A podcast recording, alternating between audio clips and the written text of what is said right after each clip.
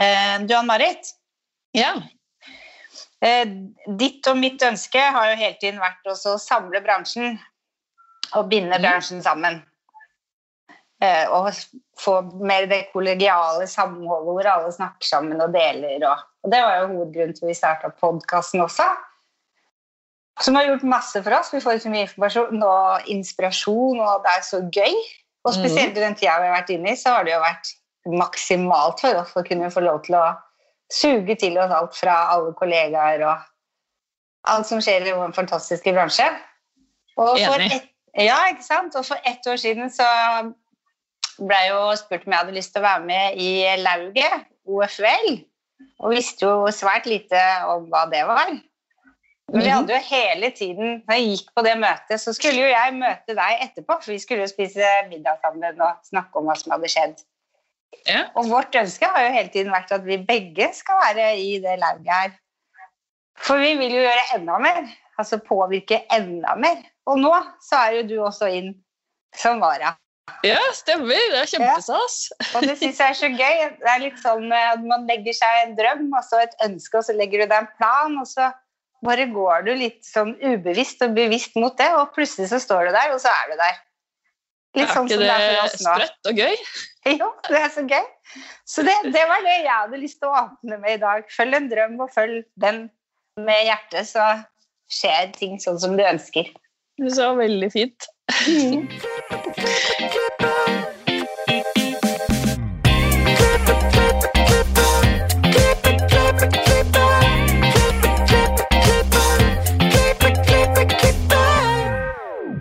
Velkommen til Hårpåden. Jeg heter Ann-Marit. Jeg heter Renate. Ja, hvordan har din uke vært? Renate? Min uke har vært ja, Jeg er strålende fornøyd. Ja. Det er lyse dager, og blomstene titter opp på trærne. Og kunden har begynt å komme til salongen igjen. og jeg tenker at Nå er det sommer snart. Jeg tenker ikke på noe fælt og trist. tenk på, på det som er positivt. Men det er noe som opptar meg mer enn noe annet. Så det er jo at eh, det er kort tid til noe vi har venta på kjempe, kjempelenge. Som starter 29. april Og det er jo den digitale prisutdelinga til Årets frisør. Mm, Det har Det jo ikke vi vært med på før. Nei. Det, det gleder jeg meg skikkelig til. Og så blir det litt rart. da. Jeg lurer på, Skal jeg pynte meg, eller? for det er jo den dagen som du pynter deg som mest. Du vil Ja. stråle. Skal jeg stråle foran PC-en, eller skal jeg ta det layback, back, eller? Burde hatt det liksom sammen med salongen. Ja, Gjort en greie ut av det. Absolutt. Mm. Og få, ja, få flest mulig til å se på det og bli interessert i det. Mm, enig. Så det opptar meg. Ja, ja. Din uke, da? Hvordan har den gått? Jeg er jo helt annet modus, skjønner jeg. Jeg driver jo med denne skatten, driver og leter fram kvitteringer. At jeg aldri kan lære, liksom. Det er det samme hvert år. Nå skal jeg bli flinkere, og så gjør jeg ikke det. Men Det neste år skal det jeg være flinkere. Ja, det er kjedelig. Så Det var godt at du kunne kaste lys på noe som var litt mer positivt. ja. ja. Det er, eh, det, er, det er en jobb som må gjøres, det òg, for at man skal gjøre det som er morsomt. Bare tenke sånn. Det er så sant. 10% av året leiter etter kvitteringer. Maks. ja. Men vi har også med oss en gjest fra Bergen. Og dagens gjest driver frisørkjeden Visit og hudpleie. Han er eier av skolen Frisør- og hudpleieinstitutt i Bergen. Han har tidligere vært, tidligere vært konkurransefrisør og utmerket seg med plasseringer både inn- og utenlands. I dag er han internasjonal dommer. Han er oldermann i Frisørlauget i Bergen, og i tillegg er han president for NFVB. Velkommen til oss, Espen Sævold. Takk skal du ha. Det var hyggelig. Kjekt å få være med. Godt å bli spurt om noe. Stas å ha deg med. Kan ikke du starte med å fortelle hvordan din karriere starta? Nei, det var egentlig uflaks, eller flaks. Det er ikke alltid like godt å si. Men jeg ville egentlig bli kokk. Men jeg kom ikke inn på skolen da jeg gikk på ungdomsskolen, så da sa min mor at jeg måtte få meg en jobb. Så da fikk jeg meg en læreplass i en frisørsalong i, i Bergen. Så det var egentlig starten på det. hele. så om det var flaks eller uflaks, det, det får noen andre vurdere. Men jeg, jeg, syns sjøl at jeg har vært eh, veldig heldig med valget. Så det, jeg begynte i lære og har jobbet som Sven og ble etter hvert medeier i den salongen som jeg, som jeg begynte i. Det er jo over 30 år siden nå. Mm. Hvilken, hvilken salong var det? Det å hete Herman salong, det var en fantastisk eh, bra miljø og lærested. og ja, Det var veldig, veldig bra. Superkjekt å, å jobbe der. Ja. Så, så, du gikk ikke frisørskole, da? Du gikk rett ut i arbeidslivet, egentlig? Jeg gikk rett ut i arbeidslivet. Begynte i lære og gikk da eh, tre år i lære i den tiden. Og tok eh, herrefaget først. Eh, og gikk én dag i uken på lærlingeskole. Og så når jeg da eh, var ferdig med det, så var jeg eh, Sven som herrefrisør. Og så tok jeg eh, damefaget litt seinere i forbindelse med annen utdannelse, at jeg følte jeg trengte det også. Ja. Men det baller på seg som regel, ja. Ja. Når du da gikk én dag i skolen på lærlingskolen, mm. det var, var, var det det som inspirerte deg litt til å starte din egen skole? Mm, nei. Nei? Nei, jeg, jeg var, har jo aldri vært noe vært i glad i skole. eller noe. Jeg ikke jeg ikke var et skolelys, men, men det var liksom ikke min, min plass. Passet ikke helt der. Så jeg har aldri syntes at det var noe ok. Men uh, underveis, i Reform 94, så ble jeg spurt om å hjelpe til å undervise litt på, på uh, Årstad videregående skole, eller Bergen yrkesskole, som det den gang het. Det var en, en lærer som, som sluttet brått der. Og Det syntes jeg var veldig kjekt, så da ble jeg værende i ti år å undervise på, på videregående skole og tok pedagogisk utdannelse og, og tutlet på med, med, det der. Og underveis i det så, um, så vokste det frem en sånn greie at dette kan jeg gjøre annerledes eller bedre. Og så uh, hadde jeg jo også den gangen mange jern i ilden, så på en eller annen uh, sted i verden så traff jeg uh, meg og eh, Vigdis Reksten fra På håret og Lars Terje Skjæveland fra Modern Design. Vi havnet på samme bord eh, under noe og diskuterte dette med skole. og Sammen startet vi Frisør- og hudpleie. Frisørinstituttet het det da først. I, I Sandvika og i Sandnes og i Bergen. Så det drev vi i fellesskap i, i, i mange år. Fem-seks første årene var vi i fellesskap. Så det var egentlig det var yrkesskolen som egentlig inspirerte meg til å begynne med, med privatskole. Jeg tenkte at dette kan vi gjøre bedre eller annerledes. Offentlig går litt seint. Måtte sende søknader i eksemplarer og aldri penger til noen ting. Samme hva. Ja. Jeg er enig, jeg har også gått Ja. privat, og det var liksom to the point. Her skal vi være, bli frisører. Riktig. Ja. Det er løsningsorientert, da. Ja, ja, ja. Nei, så det var, men igjen, altså, ting baller på seg. Du treffer noen, og så blir du, blir du engasjert i noe. Og så har ikke jeg hatt noen drøm om å drive privat skole. Det, det ble som det ble. Jeg ble giret på det. På men, Men eh, du er et ja-menneske, du, da, rett og slett. Ja. Jeg, jeg, gikk en gang, jeg gikk en gang på, på et sånt kurs om personlighetsutvikling, og, og, og da måtte jeg øve meg på nei-et, mente hun her som underviste. Da, så da måtte jeg liksom stå høyt og si nei, nei, liksom. Men jeg, jeg kommer ingen vei hvis du sier nei. Jeg har liksom ting på etterpå, da. Ja, du tok ikke med deg den videre? Er Nei, den, fortsatt, ja. den, eh, det kom ikke noe, noe særlig ut av det. Nei da. Nei. Positiv og, og ja, det er viktig. Ja. Enig. Kommer Men det langt har med jo- smil. Du har jo gått fra frisørskole til både hudpleie og makeup. Hva gjorde at du var interessert i det òg? Nei, igjen da, hvis vi Hudpleie kom egentlig i forbindelse med at jeg da var blitt engasjert i, eh, i NFB, eller Norges frisørmesterforbund, ble til Norske frisør- og velværebedrifter. Eh, og da var jo jeg satt i dette konkurranseutvalget og, og var med og arrangerte NM og, og litt sånne ting. Og, og når det der ballet på seg, så ble det også sånn at skolen, da må vi jo utdanne disse hudpleierne også. Så da startet vi hudpleie skole, for det var en del av bransjen vår blitt.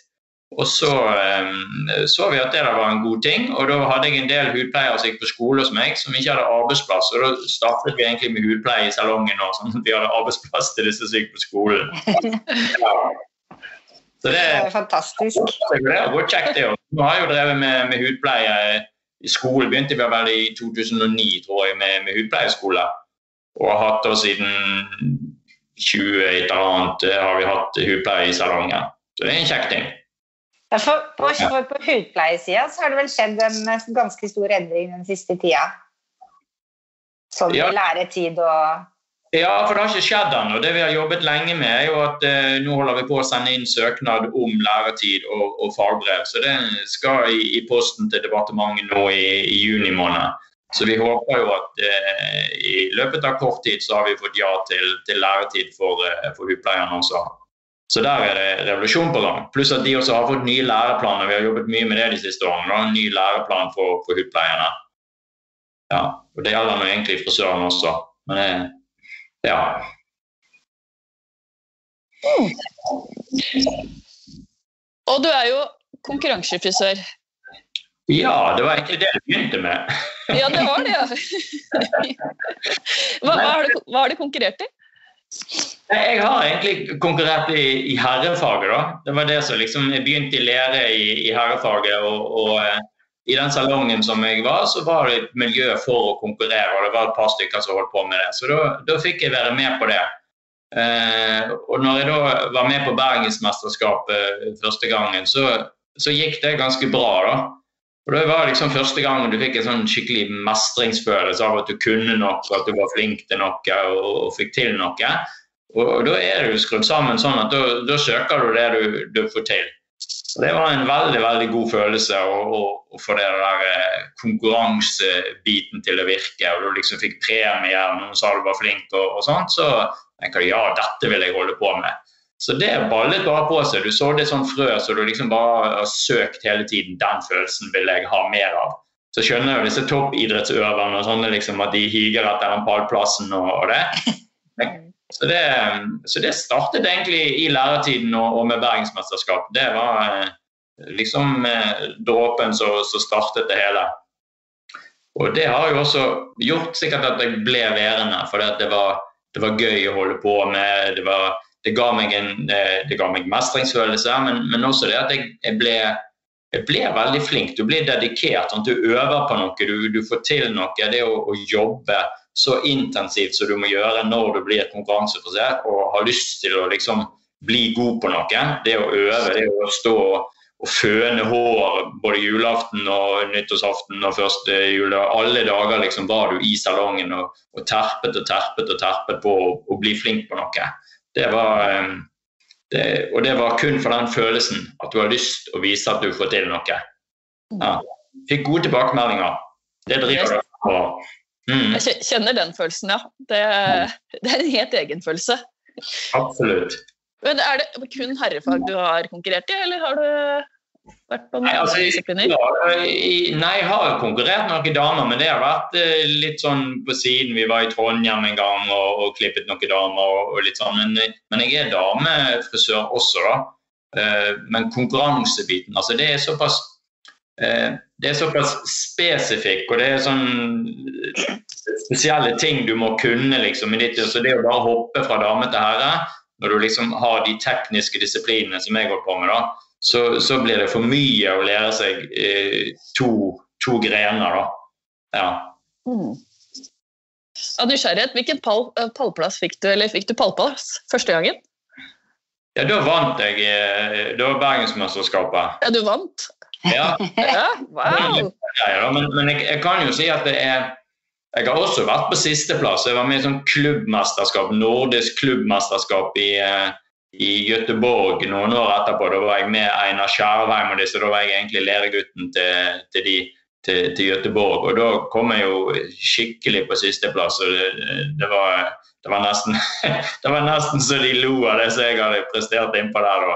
Så det, det, ja, men det hjelper deg. liksom, det herlighet, Her må jeg øve mer, liksom. Sant? For jeg er ikke så god som jeg trodde. Så jeg har også fått meg noen på trynet da, som gjør at du liksom Men da gjelder det jo ikke hoppe hesten, sant? men liksom, jeg vil få dette til. sant? Jeg er ikke, jeg er ikke dårlig fordi om jeg liksom mislykkes en gang. eller sånt. Det, liksom, det går an å, å, komme opp igjen på dette her.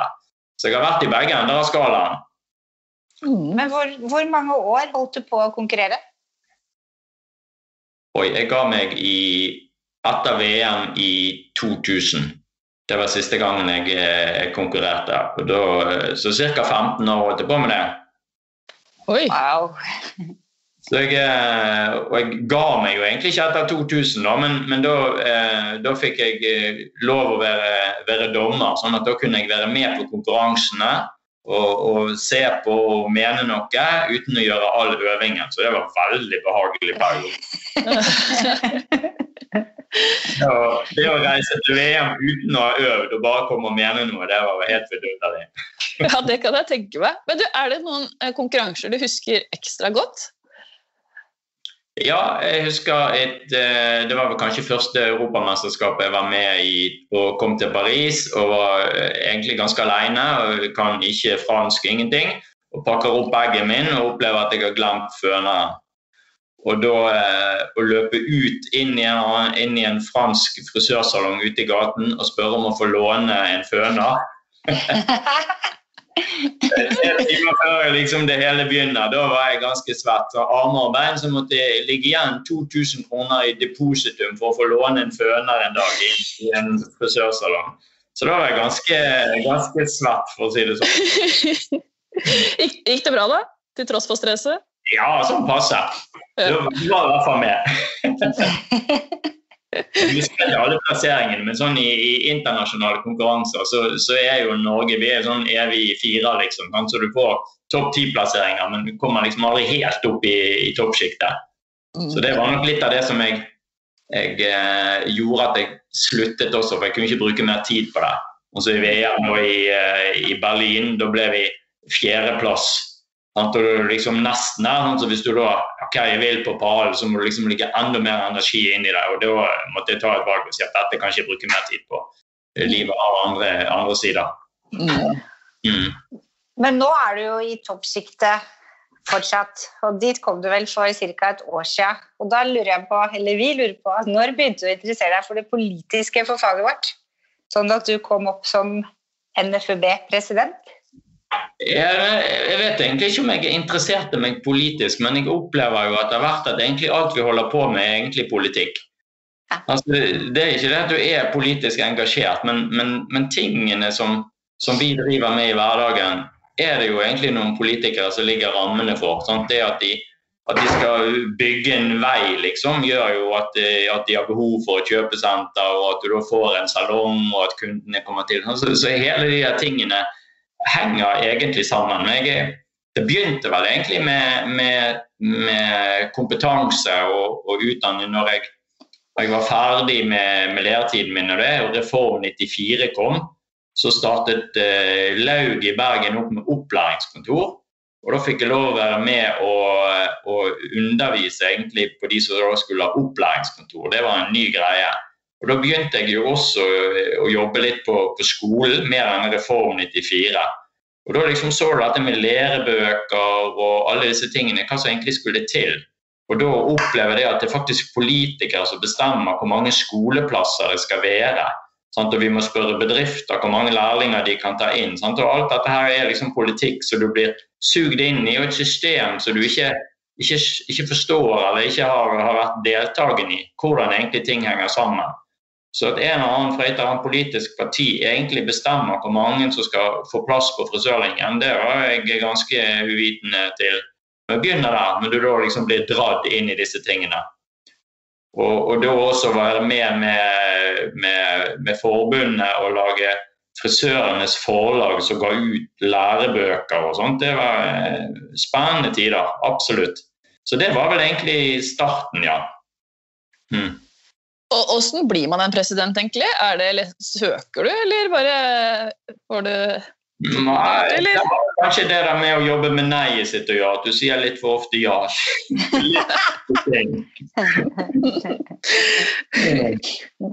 Så kanskje det har noe med by å gjøre òg, for forrige president var jo også fra Bergen. Ja, det, det kan godt hende. Det er jo store sko å, å, å fylle, fylle etter, etter edel. Absolutt. Nei, altså det er, det er, vel noe med at du er, du er ærlig og redelig, og, og, kanskje går i spann med mange. At du, liksom, at du triver. Det er jo litt sånn, Frisører har jo den egenskapen ofte at vi er flinke med kunder og klarer å skifte litt personlighet. og det. Ikke at jeg tror at jeg skifter personlighet, men, men er, det er noe med å være hel ved. At du er ærlig på det du mener, og, og du mener noe i, i mange sammenhenger. Så jeg, eh, Vi blir jo valgt til president, da, så det er jo på en annen måte så, så er det mange som har, har syntes at eh, jeg passet til den rollen. Mm. Men du blei jo president på en veldig spesiell tid. Ja, Det det, er jo et år siden. Åssen var det å ta over det og i en start av en pandemi? Nei, eh, det kan du gjerne si. Det sa alt. Ja. Det var egentlig, egentlig ganske, ganske øh, Jeg skal ikke si det var traumatisk, men, men jeg ble jo valgt da, øh, like før jul. Og, og har egentlig ikke kommet, Vi har hatt ett styremøte, og så blir vi liksom stengt ned. og Du skal stå liksom eh, først i toget med alt som vår bransje trenger og ikke trenger, og, og hva skal til. Så det, det var, det var eh, hva skal jeg si, at det, det var vanskelig å, å, eh, å opptre rolig og balansert og liksom gi tydelig retning og, og tenke positivt om ting. Så egentlig på innsiden bare kokte det, og alt var kaos. og jeg, hadde jo, jeg var jo ikke tryggere enn noen andre på min egen situasjon, min bedrift, mine ansatte. Sant? Hvordan skal vi få dette til? Samtidig som du skal ta ansvar for en hel bransje og si at dette går fint, gutter og jenter. Flotte greier. Det går bare noen uker, nå så er vi tilbake igjen der vi var. Så det, det må jeg si at det har vært, eh, det har vært dype daler etter det der eh, koronatingen. Men, men nå har det liksom blitt en ny normal. Nå er det liksom Det funker bra. Ja. Vi er flinke til å omstille oss som uh, menneske. Absolutt. Veldig omstillingsdyktig. Ja. Dere har jo gjort en fantastisk jobb da, for Mm. bransjen. Det, det må jeg, bare, jeg har ikke noe annet å ta av, men det må jeg i hvert fall bukke for. for det, det må jeg si at det oppleves trygt å ha dere på lag. Ja, nei, men takk for det. Og der må jo jeg belønne egentlig administrasjonen som, som jobber inne på kontoret på Møster. De har vært eh, helt suverene. Men det at vi tok grep egentlig fra, fra dag én av, at vi tok eh, styremøte og satte i sving, liksom. Og Anne Mari der i, i, spissen, hun også var jo egentlig ganske ny i forbundet. Sant? Så det var liksom å, å skubbe hun opp og frem at nå blir du vår gallionsfigur det er du som liksom skal, skal skinne i dette, det, det var kjempeviktig. At hun liksom fikk, satt seg. Og det har hun, eh, hun grep jo den sjansen og har virkelig fått det til og tatt ansvaret med en annen verden i forhold til å gjøre bransjen synlig, få gehør for, for våre ting. Bare det at, at politikere liksom sa frisør og hår og ettervekst. Sant? Vi hadde jo da snakket med, med politikere og påvirket de i, i lang tid, altså i ukene på forhånd. Og så poff, ser du at argumentene våre plutselig kommer på podiet og på pressekonferanse. og sånt. Det er helt unikt. Og da, da blir du engasjert i politikk, for du ser at det virker. Mm. Ja. Ja, det kan jeg tenke meg.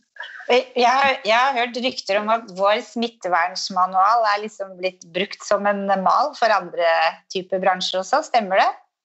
Ja, den har vært eh, litt bibel og utgangspunktet for mange. Vi var først ute, og vi satte i gang i styret med det arbeidet kjempefort. Han Jørn Inge Næss var egentlig litt primus motor, han fikk ansvaret for å koordinere den biten der.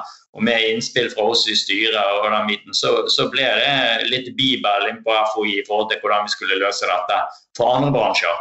Så det var, det var gøy. Absolutt. jeg må, jo si at jeg hadde hørt at eh, tannleger hadde det så strengt, og så var jeg hos tannlegen min, og så så jeg på hva hun hadde på seg, og hva hun gjorde, så tenkte jeg dette er jo det vi gjør. Mm. Så da, da hadde vi det like trygt, følte jeg, da. Ja. ja, vi var først ute, så de andre hermet etter oss. Ja, så gøy. Skal ikke skynse med frisører, altså. Nei, vi har, vi har virkelig eh, fått liksom blitt satt på kartet i, i forhold til at vi, vi kan og, og vet og er flinke og driftige. Ja. Så syns jeg også det der samholdet som vi fikk til. At, at frisørene var sammen, vi mente det samme. og når, når vi da vi hadde en sånn kampanje 'Snakk med en politiker', sant? alle har en politiker i stolen. Så det, det var ting som skulle frem, så flagget vi liksom det til medlemmene våre. Og poff, så var det en politiker, gjerne i Nordland eller Troms, eller noe, så, så kom argumenter som vi hadde sådd blant våre medlemmer. Så det er utrolig kjekt å se. Ja. Vi kan få ting til. Ja. Ja. Men det er viktig at vi står sammen. Sant? Vi klarer ikke én og én. Det er så sant. Det som er flott med det hele, er jo alle kundene som sier at de føles trygt når de kommer til frisøren. Mm. Det er jo veldig hyggelig å få tilbakemelding på. Ja, ja, ja. Ja, jeg tror at alle har tatt, vært ansvaret bevisst. Sant? Det har vært veldig lite tull også.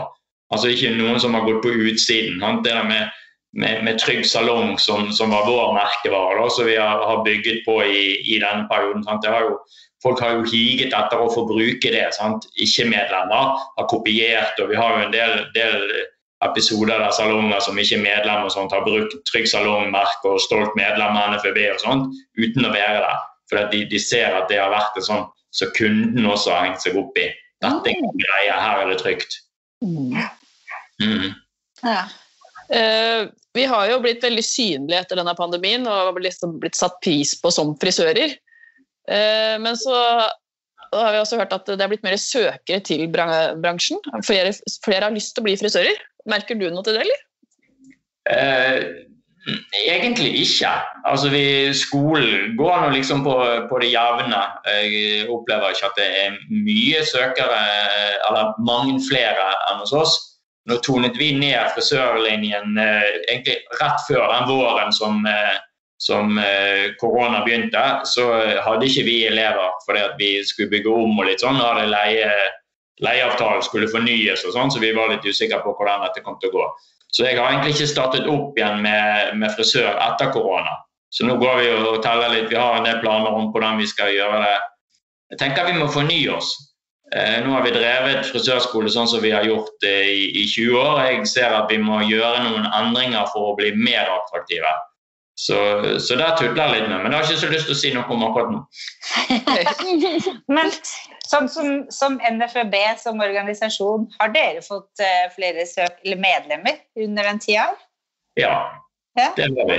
Det, det har vært et, et jevnt sig med, med, medlemmer, men det er jo, det er jo klart at, at så mange frisørfirmaer det er, eller hudpleier og frisør, så det er jo klart at vi vi har for få medlemmer i forhold til hvor mange som burde vært medlem. Mm. Ja.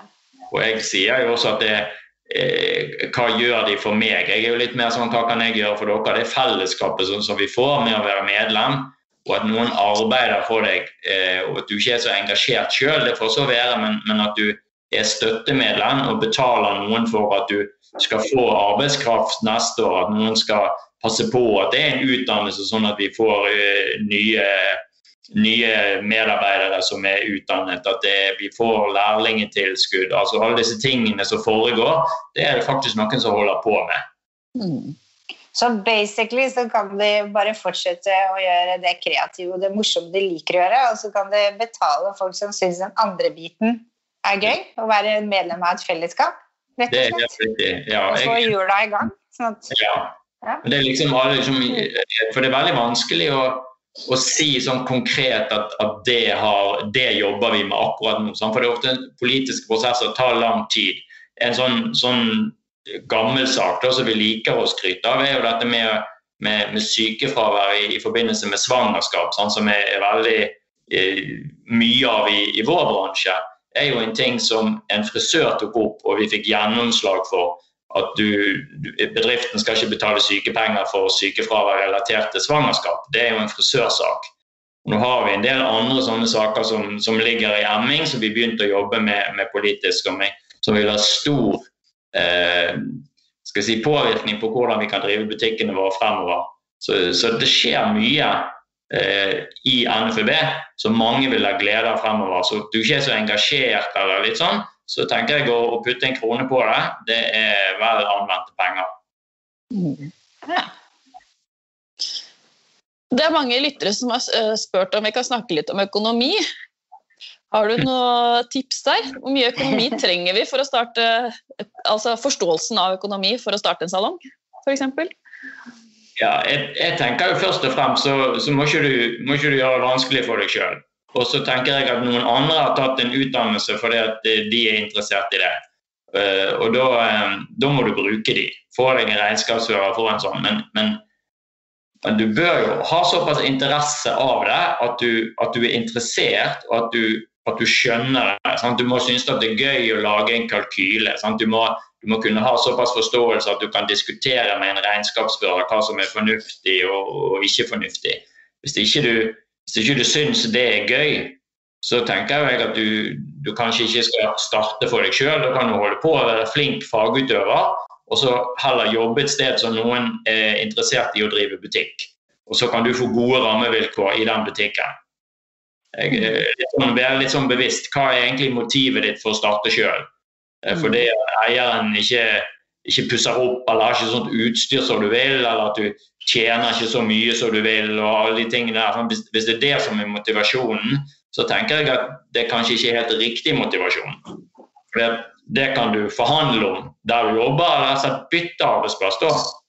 Men, men, det å starte for seg sjøl og, og, ikke tenke at du skal kunne ha eh, styr på økonomien din, det går jo ikke. Mm. Det var veldig bra tips. Mm. Hvordan får du av tid til alt dette her?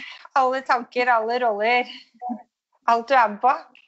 Jeg er, jeg er flink til å si ja, men jeg er også grådig flink til å ikke engasjere meg i detaljene.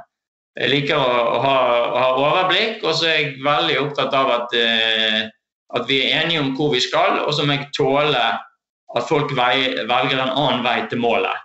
At det var gjerne ikke sånn jeg tenkte meg at vi skulle gjøre det, men bare resultatet blir det vi, det vi var enige om, så, så er det godt nok for meg. altså.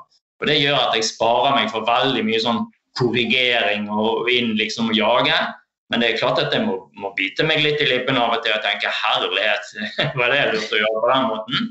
Men folk må liksom gjøre sine egne erfaringer og må, må stole på at, at, folk gjør gode valg ut fra deres forutsetninger når valgene tas. Og så er vi jo blitt enige i et mål, og da skal vi dertil. Og som regel så, så er det eh, folk, eh, folk, vil, eh, folk, vil, gjøre ting bra. Ikke, folk ødelegger jo ikke med vilje eller ikke får ting til med vilje. liksom? Så må, må liksom stole på at de, de, får ting til. Og så bruker jeg selvfølgelig minimalt med, med tid på TV-serier og sosiale medier. Det har jeg jo ikke tid til. så prioriterer bort?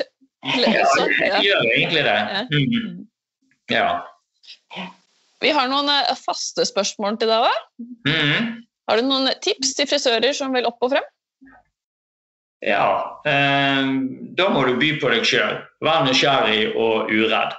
Folk er folk. Du trenger ikke å bli, bli starstruck. Folk elsker å, å, dele sin kunnskap, så hvis du bare kommer til, så er de aller fleste villige til å, å dele. Og Det å bygge nettverk og bli, bli kjent med folk er helt fantastisk. Og Det er jo også noe av det som som jeg opplever med, med den konkurransebiten som var min, det, det, nettverket som jeg har fått, egentlig både i Norge og, og i Norden og egentlig over hele verden, så, så, kjenner du frisører. Du kan ta opp telefonen og ringe til en eller annen nesten hvor som helst, og, du har et, et, et, nettverk og et kontaktnett som er helt uh, unikt. Og det er fordi at du, at du tør liksom å snakke til folk, spørre om noe, selv om de er, er verdensmester, så, så er det liksom det er vanlige folk, dette også. De kommer som regel fra samme plassen som, som vi andre er. Det er ikke noe, Og de elsker å, å dele. Mm. Hva inspirerer deg? Flinke folk. Flinke folk, samme hva. At folk er engasjerte og kan det de snakker om og holder på med. Det er fantastisk. Mm, enig. Eh, hvis du kunne forandre noe med frisørbransjen, hva skulle det vært? Jeg skulle ønske at flere valgte å drive sammen. At ikke det var så mange én og én rundt om. Altså, vi er sosiale dyr, og vi trives best i, i flokk. Jeg skulle ønske at vi, vi, klarte å flokke oss litt mer sammen. Det hadde vært, eh, så, så jeg snakket litt om, om i sted, det å, å, gjøre ting sammen, det å stå sammen og ting, det gjør oss sterkere. Jeg kan ikke forstå at, at uh, Norge består av, av mange små plasser, og det er gjerne tre og fire og fem salonger. Og hvordan tre og fire-fem salonger skal betale husleie og alle de tingene istedenfor å drive i ett lokale og, og, få den butikken til å, å, gå skikkelig, det må jo være mye bedre. Både økonomi og, og fellesskap å få sånne ting til. Så, så det, det, ønsker jeg meg. Jeg skulle ønske at vi, vi drev større og bedre sammen. Mm.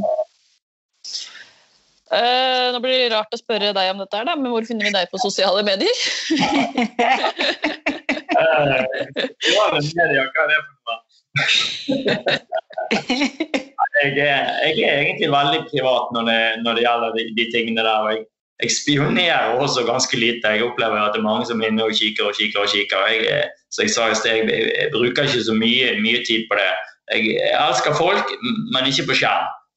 Så um, Vi har sosiale medier på salongen med Instagram og Facebook og de tingene. Jeg har jo også en, en konto sjøl, men men hvis du skal ha kontakt med meg, så er det liksom en, en mail eller en messenger på, på Facebook. Så, så, tar jeg kontakt og, og, og, ringer deg gjerne opp. Jeg liker å snakke. Ja. Tusen, tusen, tusen takk til deg, Espen Sauvold. Tusen takk for at du ville dele den historien og prate med oss. At vi kunne få høre alt om din hverdag og fortid og framtid.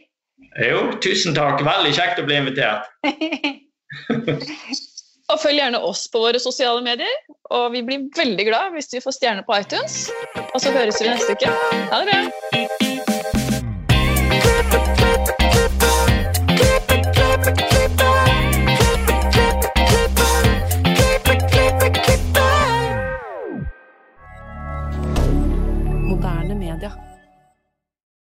Har du et enkeltpersonforetak eller en liten bedrift? Da er du sikkert lei av å høre meg snakke om hvor enkelt det er med kvitteringer og bilag i fiken, så vi eh, gir oss her, vi. Fordi vi liker enkelt. Fiken superenkelt regnskap.